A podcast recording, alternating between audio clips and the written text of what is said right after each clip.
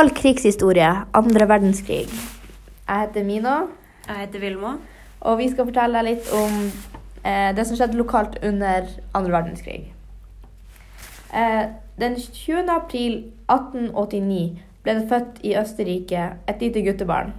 Dette guttebarnet skulle vokse opp og bli lederen av et nasjonalistisk, antisemittisk Nazi-Tyskland. Dette skulle bli Tysklands krigsfører under det som er blitt en av verdens verste kriger i moderne tid, nemlig andre verdenskrig. Men Mina, erklærte ikke Norge seg nøytral i 1939 når krigen brøt ut? Jo, men det ble allikevel angrepet av Tyskland 9.4.1940. Eh, Norge var blitt okkupert og forble det til frigjøringa i 1945. Krigen er et sårt punkt i norsk historie, men da også spesielt i Sør-Varanger. For det var jo her krigshandlingene forekom, og krigen prega hele lokalbefolkninga. På hvilken måte? Ja, men eh, Kirkenes var nemlig et sted som ble bomba nest mest etter Malta under andre verdenskrig. Det var totalt eh, av eh, 1012 flyalarmer og 328 faktiske bombeangrep som skjedde her under krigen. Eh, folket her oppe led av, eh, led av mye stress som prega hele resten av livet deres. Med mindre du var så liten at du ikke husker det. Eh, men da lurer jeg på hvor de oppholdt seg under alle de her bombeangrepene. Under bombeangrepene søkte de fleste eh, lokalbefolkningen tilflukt i eh, egentlig gruver. Andersgrotta, eh, som ble gravd ut under andre verdenskrig og oppkalt etter ingeniør Anders Elbakken, som ledet arbeidet. Ehm, og Andersgrotta ble gjort som et provisorisk tilfluktsrom. Eh, på det meste kunne man bli nødt til å ha, eh, søke tilflukt her eh, flere ganger daglig. Hvordan preget dette befolkningen? Jo, det var gunstig å vite hvor alle familiemedlemmer var til alle tider, så du hurtig kunne komme deg til Andersgrotta hvis flyalarmen gikk. Og på det meste var det vel tre, kanskje 3000-3500 som oppholdt seg i grotta samtidig. Og det er jo ikke en spesielt stor grotte, så det var jo dårlig med plass. Og ingen varme, ingen luft og ingen varme. Um, hva skjedde med grotta etter krigen?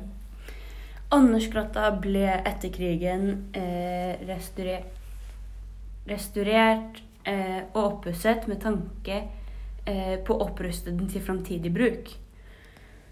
Men på 1500-tallet nei, 50 på 50-tallet fant man derimot eh, eh, fort ut at det ville ikke fungere med tanke på størrelsen på de moderne båtene.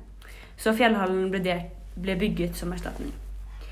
Jeg har hørt en del om partisanene som befant seg i Finnmark under krigen. Vet du noe om dette? Eh, ja, for under krigen meldte flere unge menn seg til å jobbe for sovjetmakten i militær tjeneste. Eh, det var altså menn som levde ved Finnmarkskysten, som både reiste og sneik seg over til eh, Fiskerhalvøya på Kolhalvøya til å operere i spionasje for sovjetene. De ble senere utplassert på observasjonsposter på norskekysten, eh, hvor de levde et veldig enkelt liv uten kontakt med familie eller lokalbefolkning eller noe, for å kunne rapportere fra de her postene til Sovjeten om tysk skipstrafikk og militær aktivitet, så de visste hva de kunne gjøre. Partisanene er en eh, stor del av norsk historie som lenge har vært undertrykt. Har du noe å si om dette?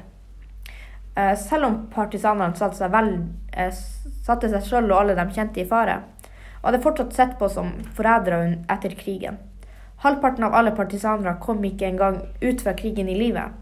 Men de som gjorde det, fikk ikke så mye som et takk. Ikke før på eh, 40 år etter krigen var det flere partisaner som fikk en deltakerpris. Eh, men det var etter flere diskusjoner. Deltakerprisen som de fikk utdelt, er den sjette høyeste rangerte militære utmerkelsen du kan få i Norge, og er å se på som en fornærmelse med tanke på alt de gjorde for oss under krigen. Stemmer det at partisanene fikk eh, militær utmerkelse fra Sovjetunionen. Ja, det er helt sant. Eh, Sovjetunionen ga flere norske partisanere eh, Den røde stjerners orden, som de mottok for fremragende innsats i forsvaret av Sovjetunionen. Og, men enda flere mottok en høyere utmerkelse. Den røde faens orden, rangert som andre høyest militær orden. Så det var en sånn stor ære å få det her, både i og utenfor Russland. Eh, og partisanene ble overvåka av den norske stat. Og som sagt eh, ble ingenting partisanene gjorde under krigen, anerkjent før ut på 80-tallet, da de fikk en takk fra kongen. Eh, men er det ikke sant at mange andre blir hylla for de her sakene? Jo, det er jo sånn.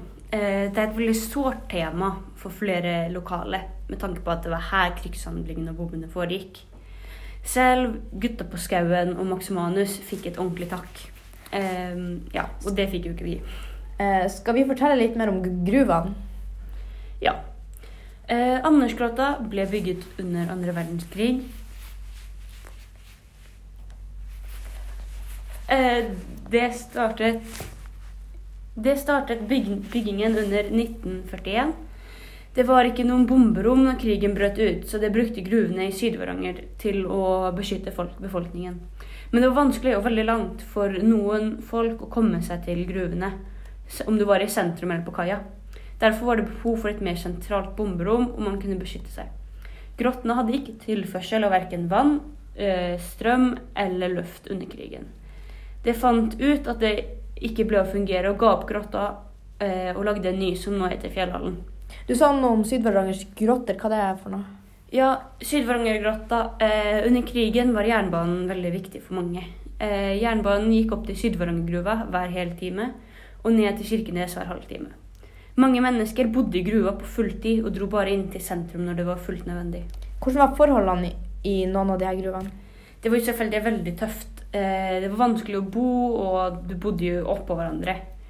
Eh, I badetunnelen, en av gruvene, var det yrende liv. 700 meter inn i eh, tunnelen var det bygd et rom med plass til 600 mennesker.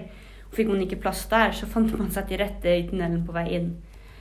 Det var bl.a. et fjøs der inne med kyr, som forsynte barn og eldre med melk. Inni gruvene ble det også innrettet et sykehus med fødestue.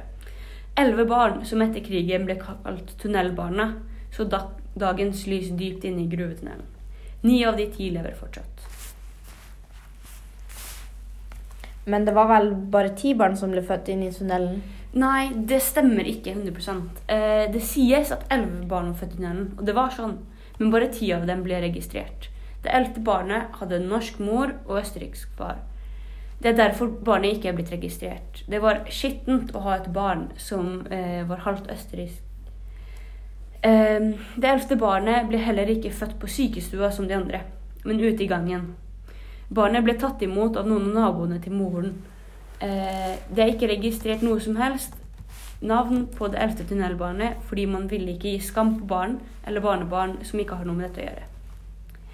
En plass i sentral Kirkenes like mot sentrum finnes et frigjøringsmonument som ble endra i 1952. Men jeg lurer på hvorfor.